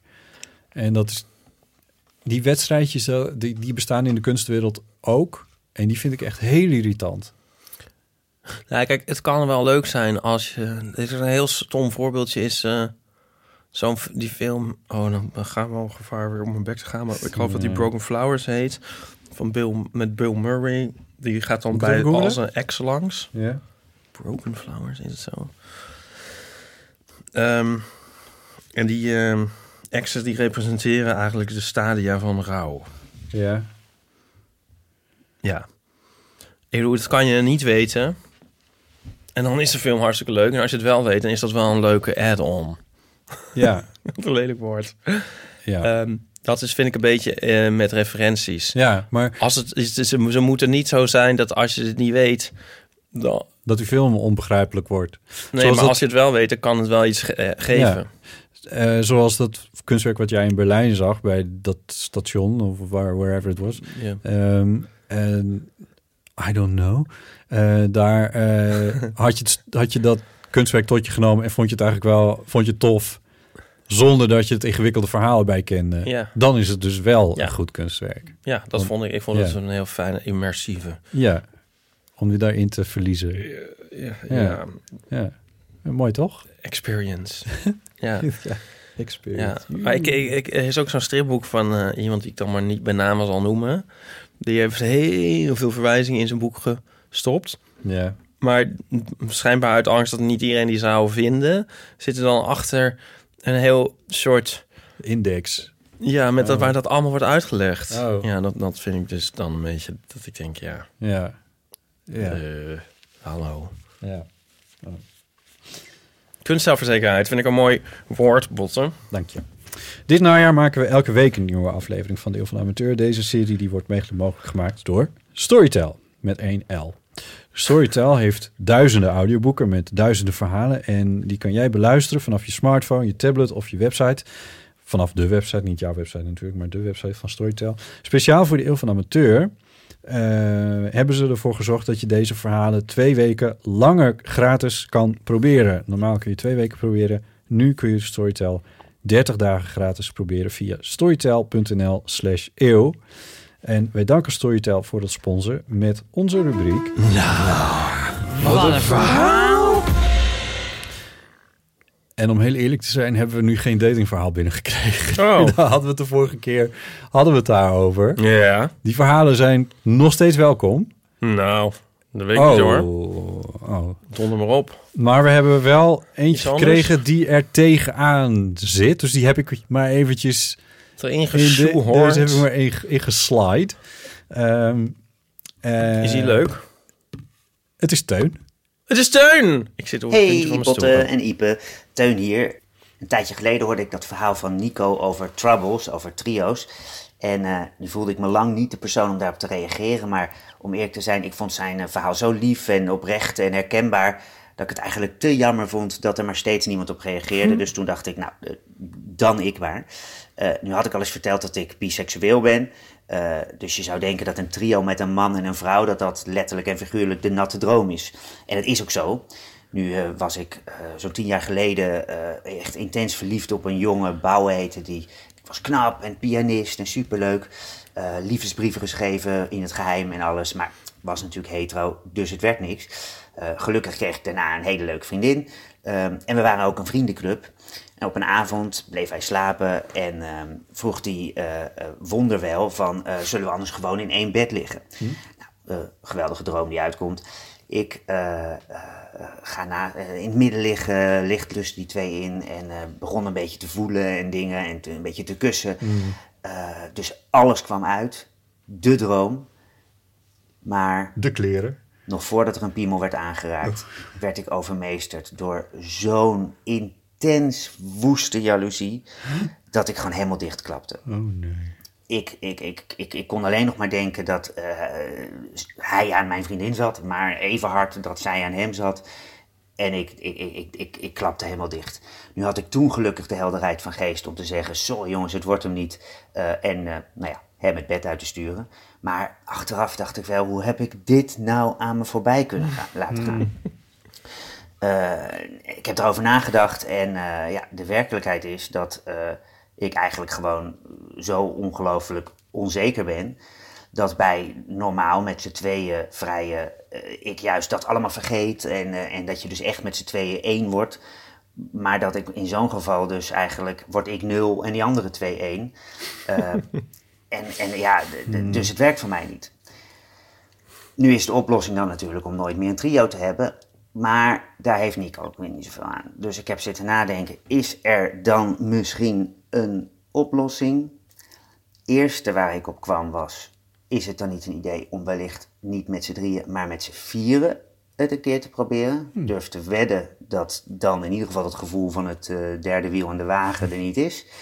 Eh, maar goed, als dat dan een beetje te gortig is en desondanks Ipe aannemend dat dat dan in ieder geval een van die drie is, eh, een soort onvermurfbare drang heeft om dit toch nog een keer mee te maken, dan zou ik zeggen, Nico, dwing gewoon af dat jij de regie hebt. De andere twee zijn vast zeker genoeg om eh, dat te accepteren, vinden het misschien ook wel super kinky. Eh, dus spreek af, jij hebt de regie, jij hebt het stopwoord, jij bepaalt wat er gebeurt. En ik denk dat je dan misschien wel ontdekt Hm. dat het eigenlijk reuze meevalt en die andere twee niets liever willen dan met jou zijn. Ehm, dus, ehm, nou, dat leek me nog een tip. Eh, jullie hebben vast genoeg mensen om mee uit te proberen, maar eh, zo niet, dan eh, hier mijn nummer. Dat is 0... Oh, shit. Randje vol. Nou ja, ehm, hoop dat hij er wat mee kan, want ik vond het een super lief verhaal. Nou, succes daar. Doei. Dankjewel, Teun. Wat een mooi verhaal, wat een goede tip. Nou, wat een verhaal. Ja. ehm, Ik hoop niet dat mijn moeder luistert. Ehm, Nico luistert ongetwijfeld en daar is het voor bedoeld. Ja, ik moet misschien als kanttekening bij zetten dat Nico het volgens mij meer had niet over, zozeer over... Ja, ik wil niet Ik kom hier weer met mijn ijswater, mijn emmer ijswater. Uh, al over een incidentele uitstapje, maar over meer een soort mm, echte relatie, relatie. Ja.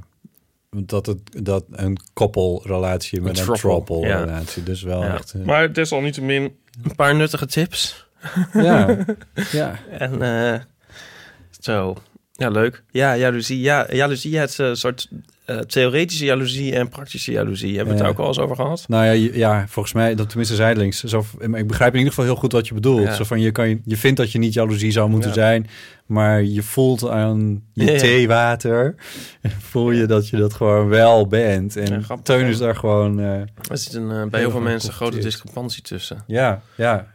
Ja, Ja. nou ja, daar kan ik mij ook wel iets bij voorstellen. Ik ben nog nooit in die situatie geweest, maar het lijkt me ingewikkeld.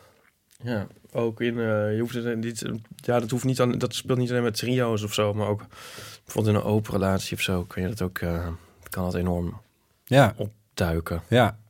opsteken. Mocht hij in de, onder het kopje datingverhalen? Nou, nee, maar we hadden toch ook het, al eerder het thema troppels. Ja, dat is maar daar ook was er nooit in opgekomen. Dus Nee, dit was ja. dan, in het- Ja, daarvoor oh ja. was hij ook heel dan eigenlijk... eh, eigenlijk ja, dus dat mocht zeker. Ja. Eh, wil je ook nog een nieuw thema introduceren? Of zeg je, we hebben onderhand wel, eh, wel aardig wat... eh, Nou, we, mo- we moeten natuurlijk wel die sponsor een beetje erin blijven houden. dus Storytel met 1 L. Ja. Ehm, dus laten we maar weer eens een nieuw thema verzinnen. ehm, Die, nou, ik moet denken aan die dierenverzorger op de Ja. boerderij. ja, dierenverhalen. Dierenverhalen, Dat is huisdierenverhalen. Ja, ja. Wat heb jij nou? Ja, Hoe grimmiger, hoe beter. ja, ja. Ja. Eh, ja, dieren. Hoe groter, hoe beter. Ik heb volgens mij in de podcast ook wel eens opgebiecht dat ik... eh, Een ezeltje wil ik. vrees en Oh, ah, ja. Sorry. Dat ik vreselijk eh, verdrietig ben geweest om, om de, de dood van een hondje. Heb je dat in de podcast Ja, verteld? we hebben, vroeger hadden wij een, we hebben een hondje gehad op de boerderij. En dat hondje dat liet, ik, liet ik uit eh, op de weg. En ik, en ik had hem niet aan de lijn en zo. Oh ja, god, vloog oh hij nee. de weg over. Want hij, Oh, hij liep altijd naast je, oh. behalve als hij een haasje zag. En ineens zag je een haasje precies op het verkeerde moment. Toen Oh. belandde die onder een auto. Ja. En daar ben ik echt heel verdrietig om geweest. Dat soort verhalen zou ook mogen.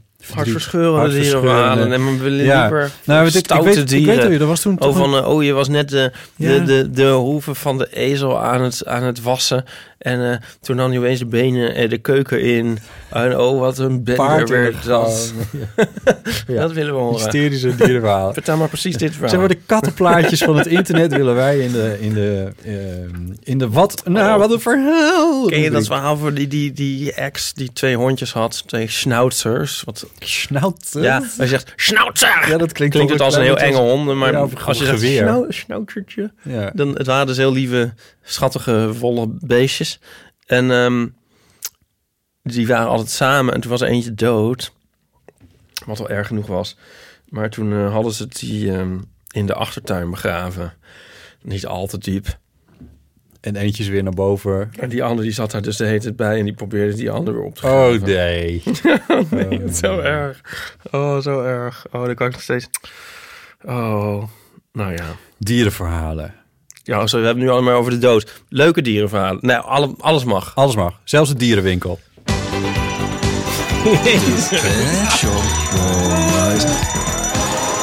Jullie hadden die triomfantelijke kop moeten zien. Goed. Ja, ik zat al een minuut te wachten tot ik hem erin kon gooien hoor. Ehm, tot zover deze aflevering. We hebben nog iTunes recensies. Kiezen Oh we even Laat mij die uit. maar even voorlezen. Nou, staat hier Dan heb ik onderaan. ook eens wat te doen. Oh, er is er maar één. Nee, ik heb er één uitgekozen. Oh, en de rest? Ja. Hoe zei je dat nou weer? To, to maintain success, to obtain success, one has to...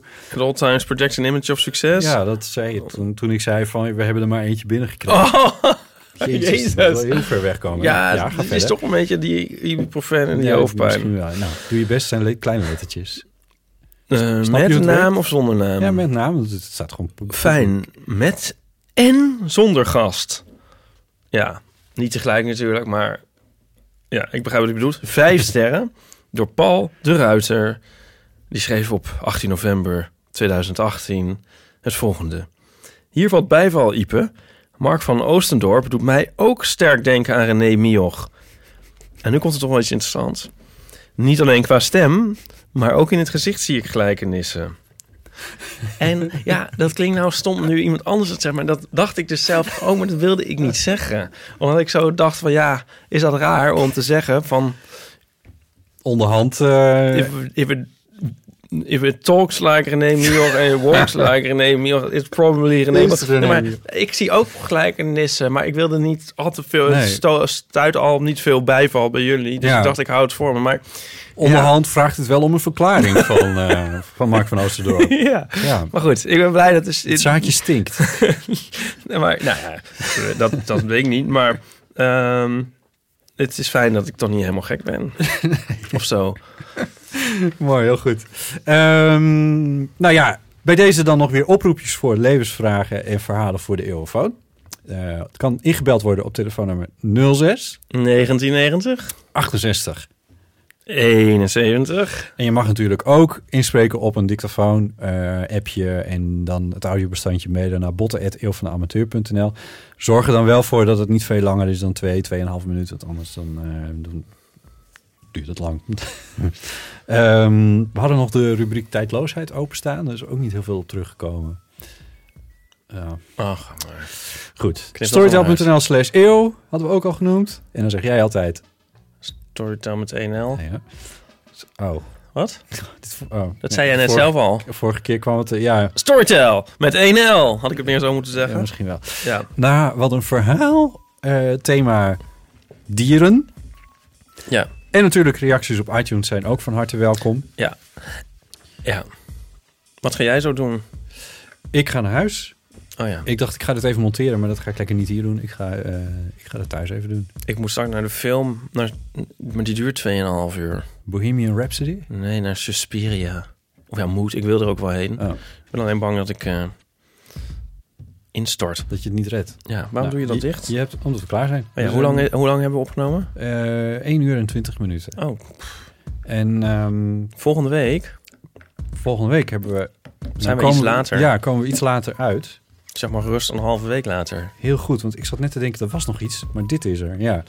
Ehm, Maar dan hebben we wel iets heel leuks. we hebben, gaan, we, gaan we het eh, verklappen wat we gaan doen? Oh, Of we hebben een soort het- dubbel dikke Sinterklaas aflevering. Dat, laten Ja. we dat zeggen. En we komen uit op, eh, op Maandag. zo- zondag slash maandag. Eh, Maandag denk dat ik is toch? 2, 3 december.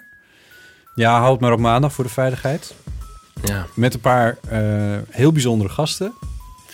Daar hoef je je verder qua inbellen of zo hoef je daar niks van aan te trekken. Want dat doen we dan lekker. Eh, in die week erop nemen we dat gewoon weer lekker mee. Ehm, maar verheug je daar in ieder geval maar wel op. We komen dus niet meer op de vrijdag uit, maar eventjes het weekend over. En dan eh, hebben we een hele mooie dubbeldikke aflevering, denk ik. Dankjewel, Ipe. Jij ook. Sterkte vanavond bij de film. Bedankt. Dag. Dag.